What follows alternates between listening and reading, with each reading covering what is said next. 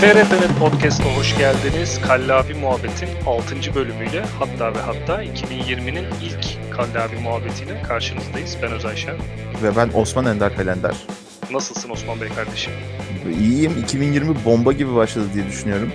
İnanılmaz başladı ya. Gerçekten süper bir yıla girdik. Müthiş bir yıl. Ee, inşallah 2011'e de 2011'e de mi? Ney? Zamanda yolculuğu mu buldun yoksa bizden habersiz? Sizden habersiz zamanda yolculuğu bulsam sizin haberiniz şundan da olurdu. Aa bu yılda e, Milli Piyango işte Antalya'ya çıktı falan ya da Hollanda'ya çıktı. Saçma sapan. Oradan anlardınız benim olduğumu. Bu arada e, ikimiz de tebrik etmek istiyoruz. Kayda aldığımızda tarihler 2019'u gösterirken sanki 2020'ymiş gibi davranmakta gerçekten Türk televizyon tarihinin bize öğrettiği şeylerden biri olması lazım. Evet evet. Burada şey çeşitli gaflar yapıp aslında ortaya çıkartacaktık bu, bu şeyi ama gaf yapmadan sen direkt itirafa girdin. İtirafa girdiğin için de cezalısın. Git şurada tek ayak üstünde dur. Duruyorum hocam. Peki. Kabul. Duruyorum şu an. tamam geri al. Boşver kayıt yapalım. Bir önceki bölümde yeni yılımızı kutlamıştık. Ondan önce de oyunlar ve müzikten bahsetmiştik. Böyle hani sanat, kültür, sapat, sepat, sapat, sepet gidiyoruz kültür, sanat, sepet. Hani madem dedik neden filmlerden, sinemadan bahsetmeyelim diye düşündük. Fakat bunu böyle çok genele yaymak yerine biraz daha özele indirelim dedik. Ne dedik? Türk filmleri, yerli filmlerimizden öve öve doyamayacağımız, izlediğimiz tüm zamanların en iyilerinden ya da bizim çok sevdiklerimizden şöyle bir kuple hem film önerisi hem işte gözden kaçanlar hem yad etmek hem de dediğim gibi övmek için bir podcast kaydıyla karşınızda bulunuyoruz şu an. Yaşasın. O zaman. Sevince çok ortak olamadım galiba ama çok güzel bir konu seçmişsin özel kardeşim tekrardan buradan bütün dinleyenlerimize bu muhteşem konuyu seçtiğin araya girmen gerekiyor şu anda uzayacak bu. Beni övmeni istiyorum yani devam edebilirsin sorun değil. Ondan sonra bu kadar güzel konuyu ortaya getirip koyduğun için gerçekten çok teşekkür ederim. Umarım dinleyenlerimiz de bizim kadar beğenirler konuyu ya da Türk sinemasını. Kendim Adnan Oktar gibi hissettim. Yapıyordu ya kendini övdürüyordu. Evet kızım şimdi sen söyle. Şimdi sen söyle. İnşallah hocam maşallah hocam. Kudretiniz gözlerinizden fışkırıyor hocam. Lütfücüm ben her şeyi yapabiliyorum da gözlerinden ateş çıkartamıyorum diye. haldır haldır bir giriş yapmış oldum konuya. Ne diyorsun? Evet Türk sinemasına giriş yapmış olduk. Bu da Kemal Sunal'ın Tosun Paşa filminden. Tosun Paşa'sıyla giriş yapmış olduk. Tosun Paşa'yı övmeye gerek yok. diye böyle. Gerek yok. İmkansız. Tosun Paşa yani mihenk taşlarından sinemamızın gerçekten. Ayrıca bunlar bence bir triloji. Şabanoğlu Şaban var. Aynı ekip, aynı dekorlar, aynı sahneler. Evet. Kimi zaman aynı espriler ama hepsi de muhteşem. Ve genelde böyle bir yıl arayla ya da yarım yıl arayla böyle bir girmiş film bu da o döneminde. Tabii. Şimdi tabii böyle direkt 70'lerden böyle bir giriş yaptık. 70'ler dedi gerçi. Tosun Paşa kaç? 82 70'ler. mi? 76'ymış düzeltiyorum. Hı hı. 76'ymış. Ya tabii sinemanın çok büyük bir geçmişi var. Şimdi sen hani podcast'e girmeden önce ne konuşuruz falan gibisinden böyle bir kendi aramızda özet geçerken hani 19. yüzyılın sonlarına kadar dayanıyor. Lumière kardeşlerin ilk kamerayı bulması, Rus teknolojisinin bunu işte savaşlarda görüntü almak amacıyla kullanmasının ileriki dönemde hani bunu nasıl biz sanata çevirebiliriz güdüsüyle sinema filmleri ortaya çıkmış. Tabii ki ülkemizde de Birinci Dünya Savaşı'ndan önce bazı gösterimler yapılmış diyebiliyorum. Şeye çok ilgiliydim. İşte 19. yüzyılda değişen İstanbul'un yani hem mimari açıdan hem kültürel açıdan hem de yaşam anlamındaki değişimleri bir dönem hem dersini aldım onun e, üniversitedeyken hem de çeşitli okumalarım oldu. Orada şöyle bir şey var. İlk sinema İstanbul Galatasaray'da yani Galatasaray bölgesinde bir birhanede gösteriliyor. O birhanenin olduğu yerde şimdi Suna yakın gibi olacak ama bakın bakın ne anlatacağım. o birhane de Kotçu Mustafa, Cinci Mustafa ikisinden bir tanesi yanlış anımsamıyorsam o pasajın olduğu yerde bir birhanede ilk e, sinema filmi Osmanlı Devleti'nde yayınlanıyor. O yayınlanan filmde Zaten Lumière kardeşlerin işte trenin bir gara varışını anlatan film. O garın şimdi ismini düşünüyorum. La Ciotat olması lazım. Hı. Ya da La Ciotat. Nasıl telaffuz ediliyorsa artık. Nasıl okunduğunu inanın bilmiyorum ben de. Bu arada ben de şöyle bir bilgi vereyim. Ee, bunu tabii ki emin olmak için okuyaraktan söyleyeceğim için kenara açtım. Bunu daha önce sinema tarihi okumuş bir arkadaşım söylemişti. Hatta böyle soru cevap yapıyorduk bir kendi alanımızdaki soruları başkalarına sorup olası ya da yakın cevaplar almaya çalışıp bir yandan da yorumlarını yani ortaya döküyorduk. Aha. Bunu da böyle tavsiye ederiz yani. arkadaş arasında hoş sohbet sırasında güzel şeyler çıkabiliyor ortaya. E, ilk çekilen Türk filminin Ayastefanos'taki Rus abidesinin yıkılışı isimli bir film olduğunu söylemişti bana. 1914 tarihli. Doğru. İsmi neymiş hemen bakıyorum. Türk sinemacısı Fuat Uz Kınay tarafından hazırlanmış bu film. Bu tabii ki ilk Türk filmi ama daha önce galiba yazılmış senaryolar olma ihtimali var. Ondan emin değilim. Eğer bilen zaten dinleyicimiz varsa bizi yeşillendirsin mutlaka. Tabii bu noktada şimdi böyle çok akademik akademik gidiyoruz ama benim asıl bahsetmek istediğim bir 50'lerden sonra Türk sinemasında böyle artık imza yönetmenler ortaya çıkmaya başlıyor. Siyah beyaz filmler, Hı-hı. işte jön erkekler, çok güzel kadınlar, femme fatale kadınlar ve imza yönetmenler var. İmza yönetmen derken iyi kastediyorum tabii ki. Yani yönetmenin kendi vizyonunu, bakış açısını artık kabul ettirdiği ve e, hissettirdiği kişilerden bahsediyorum. Kendi vizyonu değil de kendi vizörü desek ona daha tatlı olur. Uh, vizörü daha güzel olur. Kelime oyunu olur orada çok güzel. Ha tabii canım. Çocukluktan beri zaten televizyonlarda bu eski Türk sineması 70'ler 60'lar falan hep gösterimdedir. Daha sonra bunları YouTube'da ben olduğunu keşfettim ve YouTube'u bayağı bir sömürdüm bu noktada. Hani eski filmleri ben neden çok izlemeyi seviyorum? Çünkü eski İstanbul'u gösteriyor ya da eski işte benim yaşadığım Antalya'yı gösteriyor. Ya da işte bir şey var e, yurt dışında çekimler yapılmış çeşitli. Yurt dışını görüyorsun işte Almanya'ya gitmiş, İsviçre'ye gitmiş. Genelde tabii biliyorsun bir ameliyat olur ve o ameliyat mutlaka yurt dışından gelen bir doktor tabii. ya da yurt dışına giden bir hastanın e, şifa bulması sonucunda gerçekleşir. Mesela benim o dönemden aklımda kalan filmlerden bir tanesi kesinlikle ama kesinlikle Vesikalı Yarim filmidir. Ömer Lütfü Akat senin söylediğin imza yönetmenlerden bir tanesi 68 yapımı bir film. Bu filmde İzzet Günay ile Türkan Şoray'ın yani öyle bir sene var ki şimdi olay işlenişi, kurgusu vesairesi çok fazla yani sinematografik olarak inceleyebilecek durumda değilim. Öyle bir bilgi birikimim yok ya da işte öyle bir eğitimini almadım, bir şey yapmadım. Ben sadece izleyici olarak, son kullanıcı olarak yorumlayabilirim bunu. Hı hı. Sinematografik olarak yani çekim açıları ve o çekim açılarına yüklenen anlamlar yani oldukça etkilemişti. Şimdi burada bir de şöyle bir noktaya da parmak basmak istiyorum. Örneğin e, bazı filmlerin günlük hayatımızda çok fazla etkilediğini düşünüyorum ben. Hı hı. Ama bunu nasıl düşünüyorum? İşte çok alakasız bir şey olacak, çok alakasız bir konu olacak. Yani Türk sinemasından da çıkmış olacağız. Belki bunu bir başka podcast yayınında konuşabiliriz. Hı. İşte Ameli filmi çıktıktan sonra örneğin zaten Taksim'de İstiklal Caddesi'ndeki o e, Amelie'nin soundtrack'i çalıyordu sürekli her yerde. Baştan sona kadar her yerde çalıyordu. E, ondan sonra gene Amelie filminden örnek vereceğim. Şimdi birçok insan saçını Amelie gibi kahkül kestirmişti ve Hı. detaylara korkunç önem veren insanlar haline dönüşmüştük. Şimdi böyle etkileri görmek böyle etkileri incelemek benim çok hoşuma gidiyor açıkçası filmlerde. Mesela vesikalık yarimden sonra tabii o dönemlerde yaşamadığım için bilmiyorum ama ilişkilerin buradaki replikler üzerinden de yürüyebileceğini düşünüyorum. Çünkü o zaman sinema biraz daha insanların hayatının ortasında. Yani nasıl burada şimdi artık bir Hollywood yapımı geliyor. O Hollywood yapımı gelince ister istemez ona gitmek istiyoruz. Tabii. Ee, ama o dönem hani şehre sinema geliyor ya da şehirde sinema var hadi bu akşam sinemaya gidelim gibi bir durum var. Yani çok fazla seçenek yok. Bir tane salon var ya da maksimum iki tane salon var. İki tane salon olduğunu bile tahmin etmiyorum. Çünkü bir tane makine vardır o zamanlar. Tabii. Ve işte yazları ben tabii ailemden dinlediğim kadarıyla bunlar yazları işte ya da kışın fark etmez. İnsanlar sinemaya gidiyorlar ve orada gördükleri şeylerden tabii ki etkileniyorlar. Onun için mesela Türkan Şoray'ın bir repliği vardır bir sahnede. Sen geldin ya artık burası eve benzedi der. Ya bu çok hmm.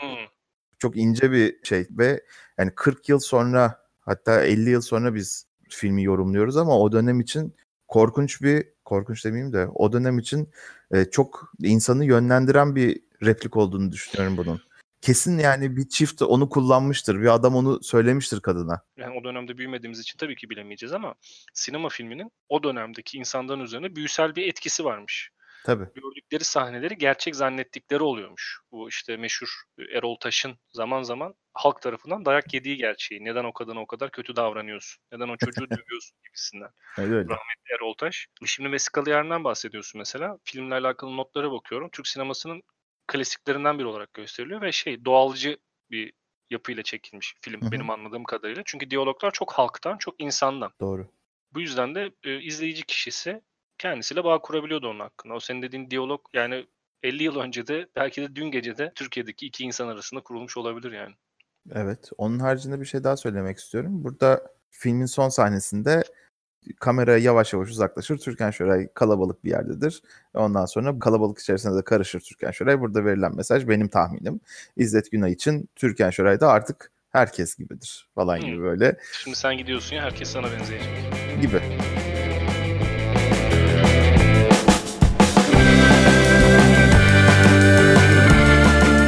Ondan sonra mesela şeyin Metin Erksan abimizin Sevmek Zamanı isimli 1965 yapımı muhteşem bir filmi daha vardır.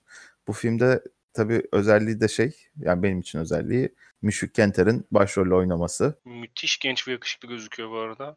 Evet. Ona bakabilirsiniz. Filmin konusunu ben şimdi bir ufaktan bahsedeyim. Belki ilgisini çeker e, dinleyenlerimizin. Filmin teması surete aşık olmadır. Boyamaya girdiği bir evin duvarında asılı kadın resmine aşık olan boyacı Halil'in ve resmin sahibi Meral'ın öyküsü anlatılır. Muhteşem değil mi hikaye? Al bunu koy Fransız sanat filmi dersin. E, yani tabii. Ama baktığın zaman 65 yılında çekilmiş bir Türk filmi yani. Hatta şöyle de bir şeyler var. Yani Türk sineması daha önce yani 60'larda tabii prodüksiyon bu kadar pahalı mı değil mi o konuda inan hiçbir şey bilmiyorum. Yani bilgisayar efektleri yok vesaire ama Hı. e, yani sonuçta Hollywood'da kullanılan kamerayla işte Türkiye'de kullanılan kamera o dönem belki aynı. Hani şimdi de aynıdır belki ama mesela filmin bütçeleri artık çok fazla. Filmlerin bütçeleri. Onu Cem Yılmaz'ın bir röportajında dinlemiştim işte. Russell Crowe abimiz bize yeni fik, e, yeni film projesini anlatıyor. Russell Crowe abimiz aa hemen 30 milyon euroyu koy, 30 milyon doları koy. Ondan sonra filmi yapalım diyor. Ama yani aradaki uçurum çok açıldı. Tabii gene Hollywood e, 60'larda da Hollywood'da, 50'lerde de Hollywood'da ayrı ama öyle. Yes. Ben şurada şu farkı ortaya koyabilirim. izlenimim. 50'li yıllardaki ya da 60'lı yıllara kadar gelene kadarki dönemde sinemada tercih edilen aktörler, aktrisler tiyatro geçmişine sahip oldukları için şöyle bir tavırları var. Ekrana bakıp konuşmak. Hı hı. Yani seyirciye dönüp konuşma, tiyatral havada geçişen bir şey olduğu için ve tabii ki bir yandan da e, performansları da ona göre ayarlanmış. Ya şimdi belki izlenildiği zaman insanların hoşuna giden performanslarla karşılaşmayabilirsiniz ama mesela bizim Jön kardeşler, rahmetli Sadri Alışık'la süper kankası Ayhan Işık. Ya şimdi o bahsettiğim oyunculuk tabii ki bir süre sonra değişmeye başlıyor. Mesela Sadri Alışık'la Ayhan Işık'ın arasındaki iletişim hem sinemada hem de sinema dışında çok bariz gözüküyor ki zaten mesela Cem Yılmaz'ın da son filmlerinden bir tanesini Arife 216'da kullandığı temelerden bir tanesiydi bu ikisinin arkadaşlığı. Kol kola gelip Cem Yılmaz'ın karakterine yardım ediyorlardı Arife 216 filminde. E tabi yani dönem değiştikçe ve Amerika'daki filmlerde Türkiye'ye gelmeye başladıkça 50'den 60'tan sonra tabii ki yavaş yavaş filmlerinde e, çehresi değişmeye başlıyor. Daha ekrana ko- bakarak konuşan değil de kendi aralarında diyalog yapan insanlar ortaya çıkıyor. Hani biz böyle çok akademik konuşmayacağız dedik. Çok böyle gergin böyle konuşuyormuşuz gibi hissettim. O yüzden yani birazcık böyle hızlıya sarıp hatta 60'ları atlayıp ben direkt 75'teki Bizim Aile filminden bahsetmek istiyorum. O. Aa bu Ee, arada oraya girmeden ben sana başka bir şey söyleyebilir miyim? Ya az önce Söyle. bağlayacağım konuyu anımsadım. Heh. Orayı da özellikle kesmeyeceğim ki ne kadar saçmaladım da bir ifşa alayım istiyorum artık. Şimdi bu diyelim ki bir Marvel filminin şu anda maliyeti ne kadar? Hiçbir fikrim yok. Sen daha iyi biliyorsundur. Ya milyon dolarlar oynuyor. Ya şöyle söyleyeyim bir oyuncuya 4-5 milyon dolar veriyorlar sen düşün sadece. Yani işte o bilgisayar efektleri, ondan sonra sahnelerin çekimi, green box'lar, onların hepsi birer maliyet. Tabii. işte kurgusudur, ondan sonra efektidir, after efektidir. Ama 60'lar 70'ler biraz daha masum bu konuda. Hollywood'la eş zamanlı olarak belki e, fantastik filmlerimiz de var bizim. Tabii 60'lar bu noktada biraz daha komik. Çünkü Killing Evet. diye bir karakter var mesela biliyorsundur Killing Killing'i. muazzam Fransız Fransızlardan apardığımız bir karakter. Evet. Ve süper kahraman ama silahlı. Hiç alışık Silahlı. olmadığımız bir kavram. Anti-hero aslında. Anti-hero ateş ediyor. İşte polisler falan da bunun peşinde. İşte kötü adamlar da peşinde. Herkes bunun peşinde. Yani çok güzel bir nasıl söyleyeyim sana çok güzel bir ruhu var o, o dönemin 60'ların 70'lerin. Ben özellikle 60'ların arabalarını da falan da çok severim. Hatta Hı hı. bir başka podcast'te onlarla ilgili de konuşmak isterim yani. Olur olur onlarla ilgili konuşuruz. Killing'i çok güzel hatırladım bu arada. Killing'in o döneminde Fantastik Türk- Sineması diye Kabalca yayınlarından çıkan kitap vardı. Ha Giovanni- evet. Giovanni Scagnamino galiba onun şeyini yapmıştı. Editörlüğünü mü yapmıştı, yazarlığını mı yapmıştı tam hatırlayamıyorum şimdi ama onun Türk sinema tarihi diye bir kitabı var onu biliyorum da. e, Fantastik Türk. Sineması isimli Doğru. kitabın editörlüğünü ya da yazarlığını yapmıştı. Evet, ya- yazarlığını yapmış. o kitaba param yetmediği için her Kabalca'ya gidişimde mutlaka açıp bir iki sayfasını okuyup kapatmış. Değil mi? Değil mi? Ben de öyleydim. Şimdi o filmde mesela şeylerden bahseder. Tarkan'dan bahseder mesela. Muhteşem. Altar'ın oğlu Tarkan. Ki onun şu an hani televizyonda yayınlanmayan filmleri de var ki çok böyle e, çıplaklığın ve vahşetin ön planda olduğu bazı filmleri de yok değil yani. Evet. E şimdi o dönemdeki sinemaya bakıyorsun. Abi bence Tarkan keşke yani böyle multimilyonluk bir proje haline gelseymiş ülkemizde. Çünkü yani ucu bucağı yok. Tarkan diye bir karakter var. Ölmüyor herif. ve yani karşısına gelen tüm medeniyetlere ve uygarlıklara karşı savaş açıp hepsini egale edebiliyor. Bu Cüneyt Arkın'ın oynadığı süper karakterler gibi değil tabii. Cüneyt Arkın hani karakteri sabit olsa da etrafındaki olaylar değişiyordu ama Tarkan böyle benim kafamda hep şeydi. Conan the Barbarian gibi. Tabii. Sürekli serüvene çıkan bir karakter gibiydi yani. Ki çocukluğumda izlediğimde ben Tarkan filmlerini acayip büyülendiğimi hele o Kraken sahnesi. Release the Kraken. Viking Kanı filmi. Tarkan ve Viking Kanı. Benim en çok sevdiğim Tarkan filmi ise Tarkan Güçlü Kahraman filmidir. Orada Wang Yu abimiz Tarkan'ı Asyalılarla dövüştü değil mi? Evet, Tarkan'ı dövmeye çalışır. Ki burada da Halit Akçatepe'nin çok güzel bir savaş sahnesi vardır birkaç evet, tane. Evet, hatırladım. Bu kalkanlara ne ihtiyacımız var bizim? Bizim kalkanımız akrobasi gibi böyle. Halit Akçatepe de nasıl bir filmde oynamış? Yani normalde yani hep komedi filmlerinde oynayan bir e, oyuncu ya. Hı. Orada mesela çok vahşi bir sonla hayatı son bulan bir karakteri oynuyor. Şey kazıklı çukurun içine düşüyordu yanlış hatırlamıyorsam. Wang Yu mu? Halit Akçatepe'nin oynadı. Ha Halit Akçatepe. E, yok onu dövüyorlar ya. Onu, onu çok dövüyorlar. Sonra Onu dövüyorlar mıydı? Şeyde kumların yani bir çölün ortasından koşarak falan bir şekilde geliyor muydu? Çok hatırlamıyorum filmin o kadar detayını hatırlamıyorum ama şöyle bir detay vereceğim ona. Tarkan'ı lava atıyorlar. Başına hiçbir şey gelmiyor değil mi? Yok. Çünkü Tarkan'ı lava atıyorlar abi. Hani bu çok gerçeküstü ve kabullenmesi biraz zor bir sahne. Çünkü lava atıyorlar anlatabiliyor muyum? Ve oradan güçlenmiş olarak geri çıkıyor. Ve o tam lava girdiği sahnede de Pink Floyd'un Echoes şarkısı çalar arkada. Aha bak bu arada Pink Floyd'un çok fazla parçasını kullanmışız biz zamanında evet. Türk filmlerinde. Bazı gitar melodilerini. Ekşi Sözlük'te bir e, entry vardı bu konuyla ilgili. Hmm.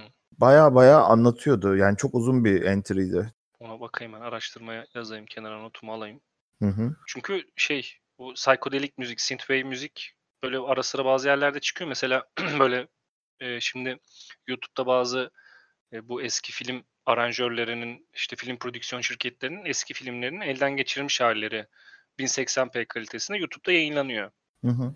Elden geçirip yayınlıyorlar. Hani niye başkası yayınlasın bizim elimizde var madem deyip YouTube'da yayınlıyorlar. Bazen öyle hani benim takip ettiğim birkaç tanesi var. Açıyorum öyle birkaç sahne bakıp kapatıyorum. Bazı yerler mesela dikkat ediyorum. Neler neler kullanmışlar. O yüzden mesela o bahsettiğin entry'yi bulup okumak lazım. Çok ince böyle hesaplarda güzel şeyler bulmuş olabilirler diye düşünüyorum. Tabii tabii. Yani o zamanlar yurt dışından geliyor plaklar. E, belki bir tam tarihini hatırlamıyorum ama belki o dönemlere denk geliyordur. İşte bir yurt dışına yurt dışından dövizin gelmesi, hani döviz sahibi olmak yasak. E, ondan sonra yurt dışından bir şeyleri buraya sokmak zor. E, gümrükle ilgili problemler var. E, bu noktada çok çaresizlikler içerisinde e, çok büyük işler yapılmış yani 70'lerde. Bu da biraz şey gibi şimdi çok ünlü olup da alan yürüyen insanlar var. Onlar ayrı. Bir de bu işlere çok fazla çalışıp yani bu sektörde çok fazla çalışıp alıp yürüyememiş, çok meşhur olamamış. Her zaman biraz daha underground kalmış abilerimiz var. Onlar mesela çok anlatırlar böyle şeyleri biliyorsun değil mi? O tabii, gözün tabii. önüne geldi değil mi o adam? Geldi, çıktı. geldi. ya biz de işte zamanında şunu yaptık falan diye bir anlatır. E, şu anda ama bir karşılığı yok yani o başarının. Yok. Ne yazık ki yok. Üzünlü. Ama mesela o film müziklerinin birçoğunu da hani özellikle Türk film yani yurt dışından gelmeyen soundtrackleri diyeyim artık. Cahit Oben abimiz, Cahit evet, Berkay abimiz. Ondan sonra aklıma Melih Kibar geliyor, Özdemir Erdoğan geliyor, Yavuz Turgul geliyor. Vallahi sayacaklarımın çoğunu saydım. Evet. Bir de bir şey daha Er Er Erguner Er, er Erdoğan. Ne Yok. Erdoğan? Özdemir Erdoğan değil. Özdemir Erdoğan. Ee, Yurdaer Doğulu da değil. Ergüder Yoldaş. Ergüder Yoldaş mesela birçok şey yap, yapmıştır. Ki bu senin saydığın isimler haricinde dönemin ünlü Anadolu rock ya da işte e, halk müziği yapan isimlerin parçaları da hani kullanılmış. Hı hı. O dönem artık hani hangi plak ön plandaysa bu tabii bahsettiğim şey değil. Hani bir arabesk sanatçısı çıkıyor, çok patlıyor. Ona film çekiyorlar. Müziklerini o filmde kullanıyorlar değil yani hani. O dönem herkesin ağzına sakız olmuş bir parçayı da alıp filmde kullandıkları çok fazla karşımıza çıkıyor.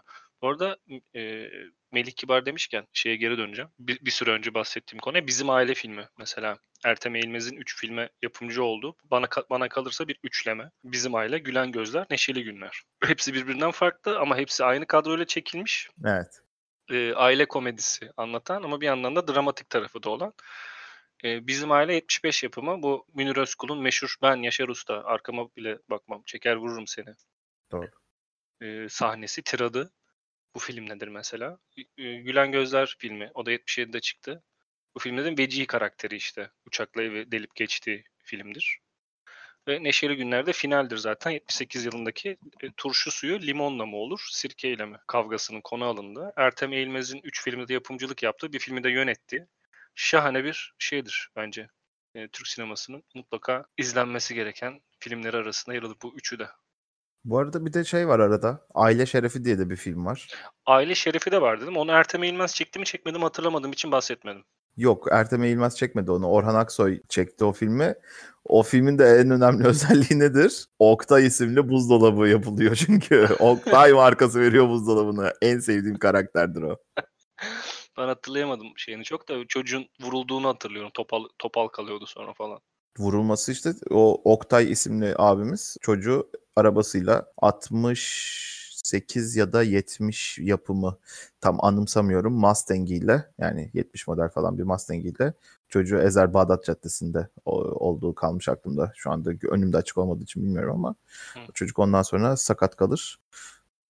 Ondan sonra Itresen'in en güzel olduğu zamanlar. Tabii tabii. Bir de burada ben bir parantez açmak isterim. Bu arada Ertem Eğilmez'in bu filmlerden önce çok enteresan bir film vardı. 1973 yılında Canım Kardeşim diye. Oo çok evet. sert film o ya. Filmin müziğini Cahit Oben'in yaptığı senin de bahsettiğin. Senaryosu da Sadık Şendil'e ait. Türk Hı-hı. sinemasının Yeşilçam'ın gördüğü en duygusal, en dramatik filmlerden biridir ki çıktığı dönemde e, elimizde yeterli veri olmamasına karşın çok az sattığı iddia edilen ve insanların sevmediği olarak lanse edilen bir filmdir canım kardeşim. Çünkü bu 70'lerle beraber, bu 60'lardaki işte süper kahraman furyasının bitmesiyle beraber, 70'lerle beraber bu işte aile komedisi, işte sıcak dostluklar gibi böyle hani bize örf, adet, anneanne anlatan, işte iyi insan nasıl olur, cesaret nedir, gurur nedir gibi şeyleri anlatan, toplumu sosyal düzeyde eğitici, öğretici bazı beklentileri olan filmler çekiliyor. Fakat canım kardeşim bir bütün olarak ele alındığında müthiş dramatik bir filmdir. Ki film içerisinde yani Tarık Akın'dan Kemal Sunal'ına, Adile Naşit'in Halit Akçatepe'sine kimler kimler oynamış. Yani bu bizim yet, bütün bu 70'ler dönemindeki Yeşilçam'da ön plana çıkan bütün oyuncular var bu filmin içerisinde. O canım kardeşimi izlerken bileklerini kesersin ya son sahneler kesersin. falan. Yani yapılmış senin söylediğin doğru bence en duygusal film, en dram film yani.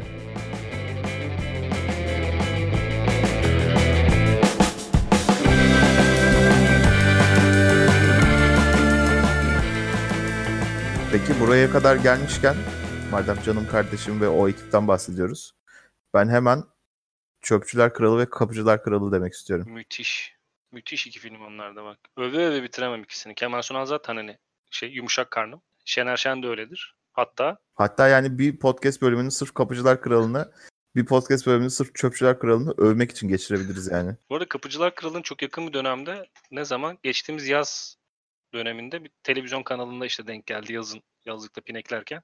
Hı hı. Oturdum baştan sona izledim. Sonra işte gene film hakkında böyle notlar falan okudum. Hani benim de fark ettiğim şeyler vardı. Gene ekşi sözlükte birisi yazmıştı. Hani Kapıcılar Kralı'nın dönemin sosyal ekonomik durumunu aslında konu edindiğine dair çok güzel bir yazı vardı mesela.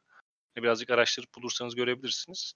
İşte köylü sınıfının en alt tabakada bulunmasından dolayı Kemal Sunal'ın canlandırdığı Seyit karakterinin işte köylü olmasından kaynaklı apartman görevlisi olması, işte kapıcı olarak hor görülmesi, işte birinci katta bir memurun oturması, sonra kat yükseldikçe işte ticaretle uğraşan, işte asker emeklisi, işte e, sermayeden parayı kazanan insanlar gibi hani sınıf alt üst sınıfı ortaya çıkarılmış.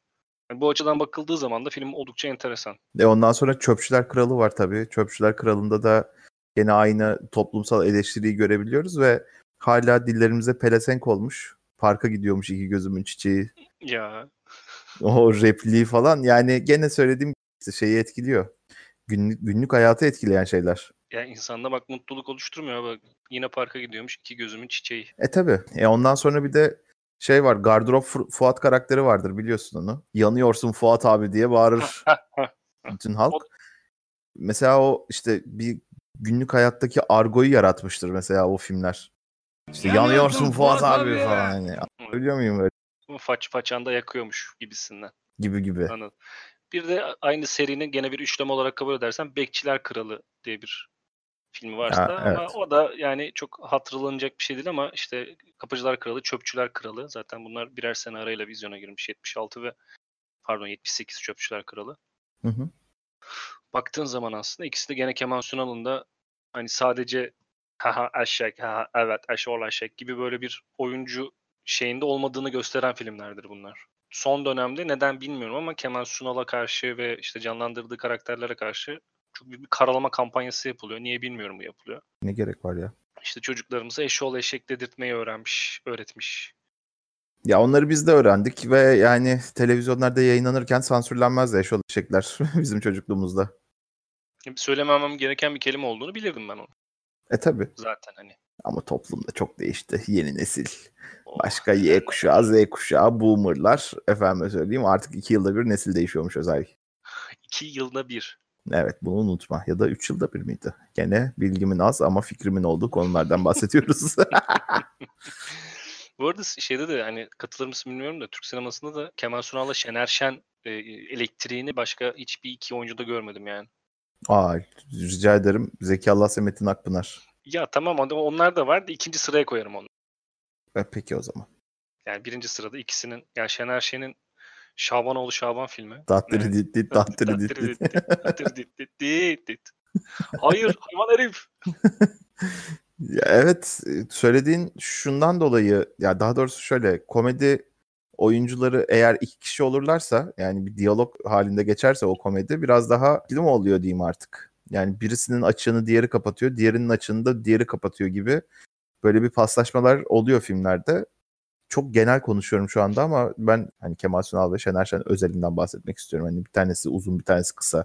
Yani böyle bir kontrastlar mesela insanları yani seyirciyi güldüren şeyler. Ya işte bu e, Amerikalı'nın punchline dediği olay var ya, yani espri yaparsın punchline'a ihtiyacın olur. Orada birey olarak sen punchline'ı vuramadığın zaman yani vurucu kelime ya da cümleyi çakamadığın zaman yardımcı karakterin araya girip senin suratına onu vurması gerekiyor. Kemal Sunal'da Şener Şen'in filmlerinde de zaten ikisinin arasındaki diyaloglarda bunu görebiliyorsun çok rahat. Bir de Şener Şen demişken o dönemden bahsetmek istediğim daha sonra biraz daha günümüze doğru gelebileceğimiz Namuslu filmi. Şener Şen'in de ilk başrol deneyimidir bu arada. Normalde hep yan karakterdir ya da Öyle başrolü mi? paylaşmıştır tabii. Bu arada sen Şener Şen'in ilk filmini biliyor musun? İlk filmindeki ilk rolünü. Bir tane reklam filmini biliyorum. Hatırlatırsam belki hatırlayabilirim de şu an aklıma gelmiyor. Filmin ne olduğunu ben de bilmiyorum ama ilk şey kamera önüne geçtiği zaman bir doktoru canlandırmıştır. Ve seslendirmesini de yanlış anımsamıyorsam Bilge Zob'u yapmıştır. Tamam hatırladım o sahneyi. Ama yanlış hatırlıyor da olabilirim tabii. Ki o döneme kadar da birçok filmde kendisi seslendirme yapıyor zaten. Doğru. Başka oyunculara, aktörlere. Namuslu'ya dönersek onun da yönetmeni benim işte sürekli burada bahsettiğim Ertem Eğilmez. Adam ne filmler çekmiş arkadaş gerçekten. E, Namuslu filmi de bence e, gene toplumsal bir taşlama içeren, e, insanların birbirine olan güvenini kaybettiğini gösteren bir filmdi. İşte Şener Şen'in canlandırdığı karakterin ismini hatırlamaya çalışıyorum da gelmedi aklıma. Ali Rıza Bey. Ali Rıza mıydı? Evet. O kadar basit miydi ya? Evet Ali Rıza Bey. Buradan Ali, ismi Ali Rıza olan insanların tepkisini çektik ama hadi neyse. Bu arada o mesela şeydir. e, Namus bence beyaz yaka eleştirisidir hatta. Tabii katılıyorum. Beyaz yaka eleştir, eleştirisi de olduğu doğru. Hatta çünkü kimse kimsenin işini yapmaz. Kimse kendi işini de yapmaz. Evet. Sabah 9 akşam 5 maaşımı alırım ben giderim. Başkası ne yapıyorsa yapsın. Namuslu filmin de hikayesi hani şey sigorta şirketinde mi çalışıyordu? Devlette mi çalışıyordu? Muhasebeciydi. Veznedarlık yapıyordu. Hani çalıştığı yeri hatırlamıyorum. Banka değildi. Bankaya gidip para alıyordu işte yüklü bir miktar. Çek senetlerini bozduruyordu işte. He. o parayı alıp ofise getirmesi gerekirken yolda soyuluyordu. Gidip gittiği zaman ben soyuldum dediği zaman da kimse buna inanmıyordu. Parayı cukka ettiğini düşünüyorlardı. Bence bu da güzel bir taşlamadır yani dönem için. Senin var mı o dönemden hatırladığın? Heh. Hangi dönem? 80'ler. 80'ler böyle bu tam böyle milletin birbirine laf soktu. Ben de tam oraya gelecektim. 80'ler Türk sineması bende yok. Yani o kamera çekimleri, teknolojisi, anlattıkları hikayeler değil de yani görsel anlamda biraz farklı olduğu için 70'lerden ve 90'lardan 80'ler filmlerini bir türlü ısınamadım ben. Geçiş dönemi aslında baktığın zaman her film çok iyi değil. Yani oyuncular büyük bir kısmı çok iyi ama oynadıkları filmler çok iyi değil tabii ki. Yani mesela gene 80'lerden sonundan hatta gene e, böyle bir duruşu olan hatta politik bir duruşu olan Selamsız Bandosu vardır gene Şener Şen'in oynadığı. Hı hı. E, Cumhurbaşkanının bir köyden geçeceği söylenir. Bir kasabaya geleceği söylenir. O yüzden bando hazırlanır. Şener Şen de bu bandonun başındaki kişidir. Yine 80'lerden o zaman benim bahsedeceğim son bir film varsa Uçurtmayı Vurmasınlar. Romandan uyarlama olması lazım bunun. Uçurtmayı Vurmasınlar. 80'lerin sonu. Mesela ben bu filmi gerçekten sinemada izledim. İlk çıktığı zaman hatırlıyorum. Aa, ne güzel tabii, be. Tabii tabii annemle birlikte gitmiştik. Yani ağlamaktan herkes helak oldu falan filmin filmde. Ben de o zamanlar tam o çocuğun yaşlarındayım. Bana bakıp ağlıyorlar falan. Böyle ayin gibi bir şey yani anlatabiliyor muyum? Sinemada herkes ağlıyor yani. Aynı olur bir daha bir dahaki seansa da gelsin bir daha bakıp ağlayalım falan. Hayır öyle bir mutsuz bir çocukluk zamanım da olmadı yani benim. ya da işte öyle bir mapuslar bir hapisler bilmem neler öyle bir durumum da olmadı. Oradaki çocuğun yaşına çok yakın yaşta olduğum için herhalde şey yaptılar. Mesela bir şey daha vardır bu 80'lerde. Gerçekten izlemedim o filmleri ama sürekli karşıma çıktığı için biliyorum. Mesela Yol filmi Tarık Akan'ın. Efendime söyleyeyim Muhsin Bey, Muhsin Bey gibi olmak. Yani hep söylenir o da Şener Şen'in bir filmi. U- Uğur Yücel'le birlikte oynadığı. Bir de Ana Yurt Oteli vardır. Ana Yurt Oteli e, şeye benzettim ben.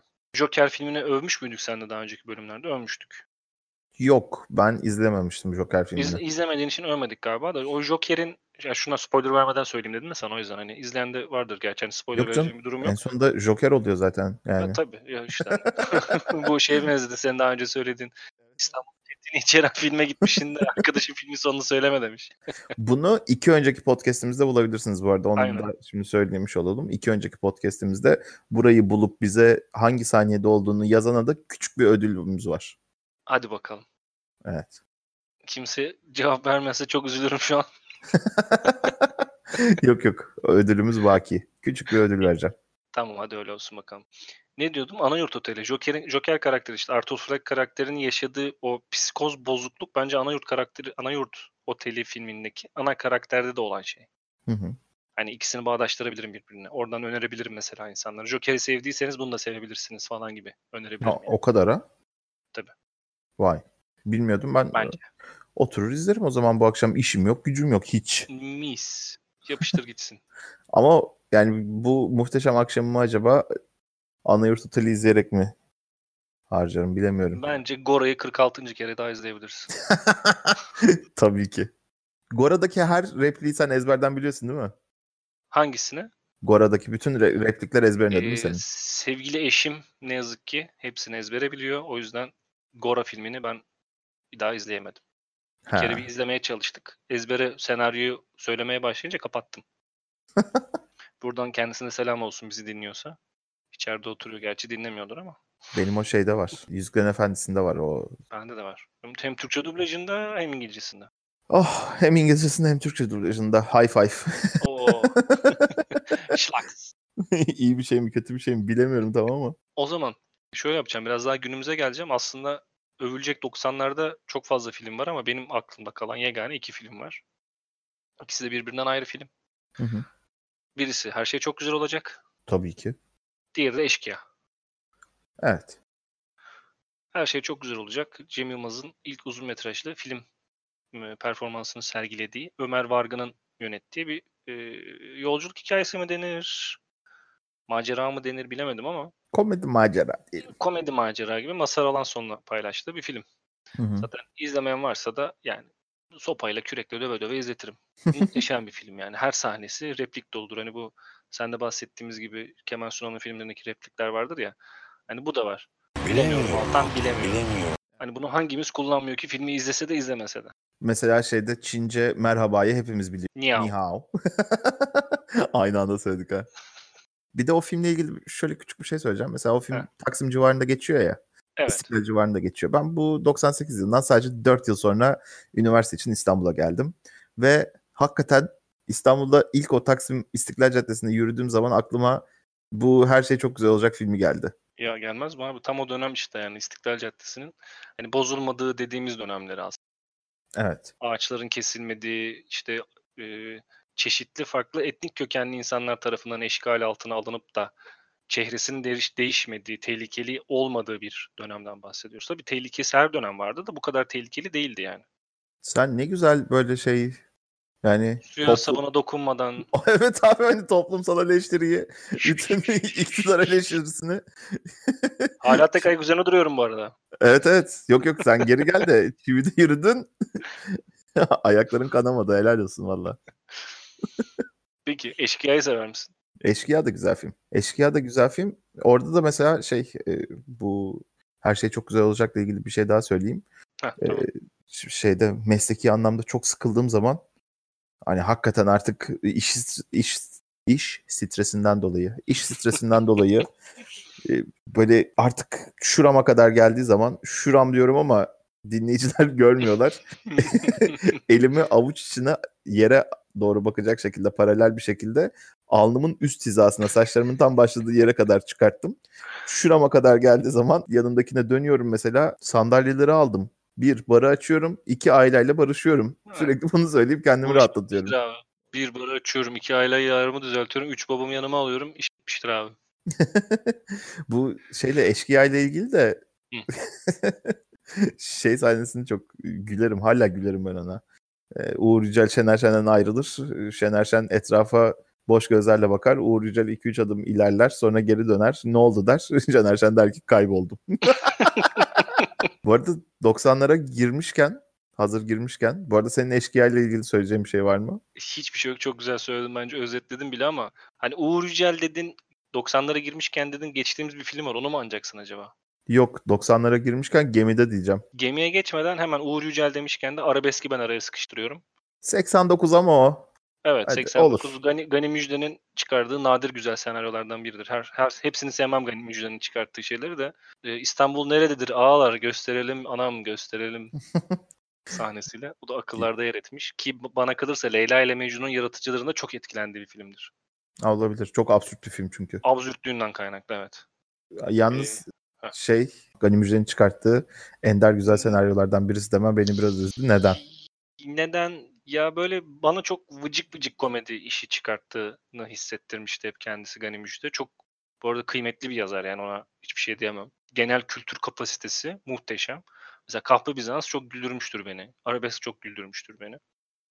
Ama ne bileyim yani hani mesela son dönemde çıkan ne neyi var onun? Şimdi açtım kenara bakıyorum da cidden hani elle tutulur bir şey yok açıkçası. Yalnız bir şey söylemek istiyorum bu noktada tekrar. Yahşi Cazibe isimli muhteşem dizi birkaç sezon sürdü yanlış anımsamıyorsam. Ee, Türkiye sinemaları, Türkiye televizyonlarında ATV'de izlediğim muhteşem dizilerden bir tanesi ama mekan ve şeyde ortamı da anlatmak isterim. Pazar günü güzel çayını koymuşsundur, kahvaltını hazırlamışsındır. Yaşlı Cazibe'nin tekrar bölümleri. Beni bu kadar çok mutlu eden başka bir şey yok. bir Yaşlı Cazibe. İkincisi neydi o? Hayat bilgisi. O iki dizi geldiği zaman mutlu oluyorum yani pazar günü kahvaltıyla tamamen kafanı boşaltmak için izleyeceğin dizilerdir bunlar. Ve Ruslar tabii ki. O Ruslar Ruslar ayrı ya. Ruslar hakikaten bir dönemin Cem Davran neydi? Hande Ataizi. Hande Ataizi. Bak Ruşen amcanın ne oldu Sedat'a. Evet. O çok önemli bir karakter. Yani hiç görmedik. Çok masalsı bir kahraman ama yaptığımız iyi işlerden sonra da birbirimize o Ruşen amca Sedat Hı, ya da işte birisi çok smart casual diyorlar ya artık işte altına bir kanvas pantolonun üstüne bir gömlek üstüne de kazak ama kazağın kolları önden bağlanmış. Kazak da arkaya doğru atılmış vaziyette falan. Tam Ruşen amcanın oldu Sedat outfit'i. Benzettim. Çok eğlendim Osman. Gerçekten helal olsun ya. Bildin değil mi o Ruşen amcanın oğlu Sedat'ı? Bildim Ruşen amcanın oğlu Sedat'ı ilk defa şu an gözümün önünde canlandırdım sayende. Ya işte böyle olur bu işler. Ama 90'lar filmlerinde mesela ben biraz eksiyim. Ee, ben senden şu filmlerin yorumlarını istiyorum. Bir, tamam. ağır roman. iki tabutta röveşata. Üç, masumiyet. Dört, gemide. Beş, lalelde azize. Bunların hepsini söylemen gerekiyor. Anlatacaksın. Bu podcast'te üç yıl falan sürecek. İyi akşamlar. Dur sakin ol ne yaptın ya? Hayır bunların hepsini istiyorum ya. Biri ikisi değil. Hepsini söyleyeceksin. Adam adam kritik attı üst üste. ya oğlum 3 defa 20 geldi. O FRF net. Ferepene sponsorluğundaki. Ay, Konuşamadım gülmekten. Dur ya.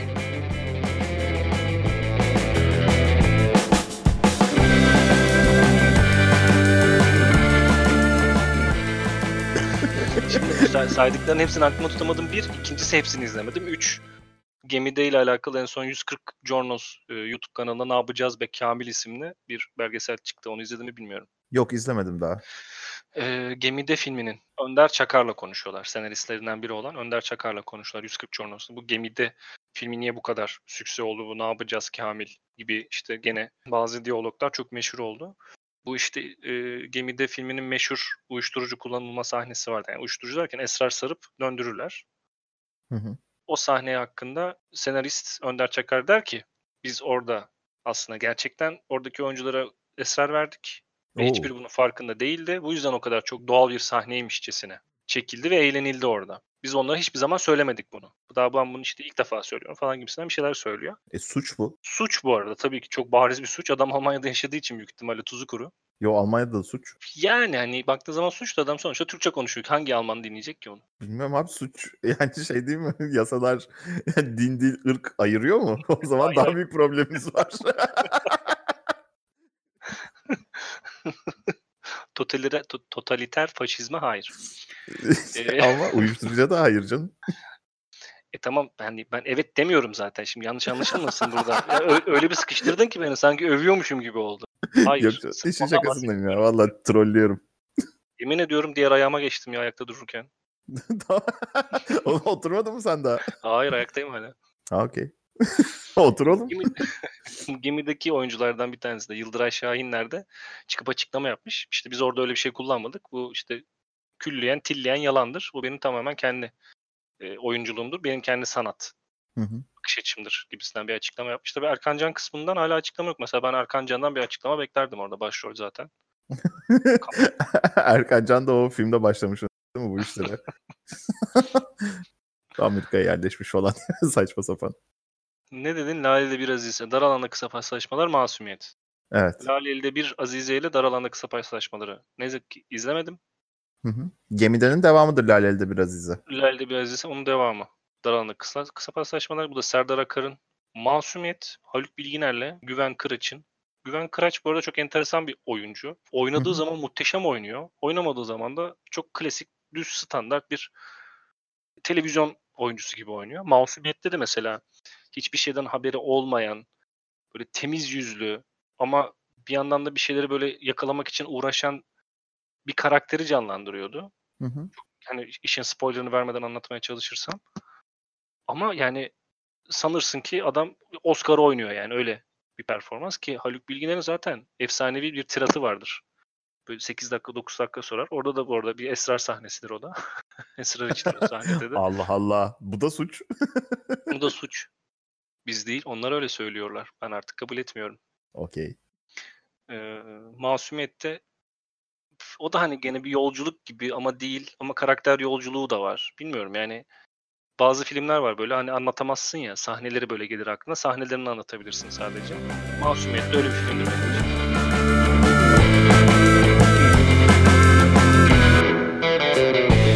TRT.net'in sunduğu Kallabi muhabbete kaldığı yerden devam ediyoruz.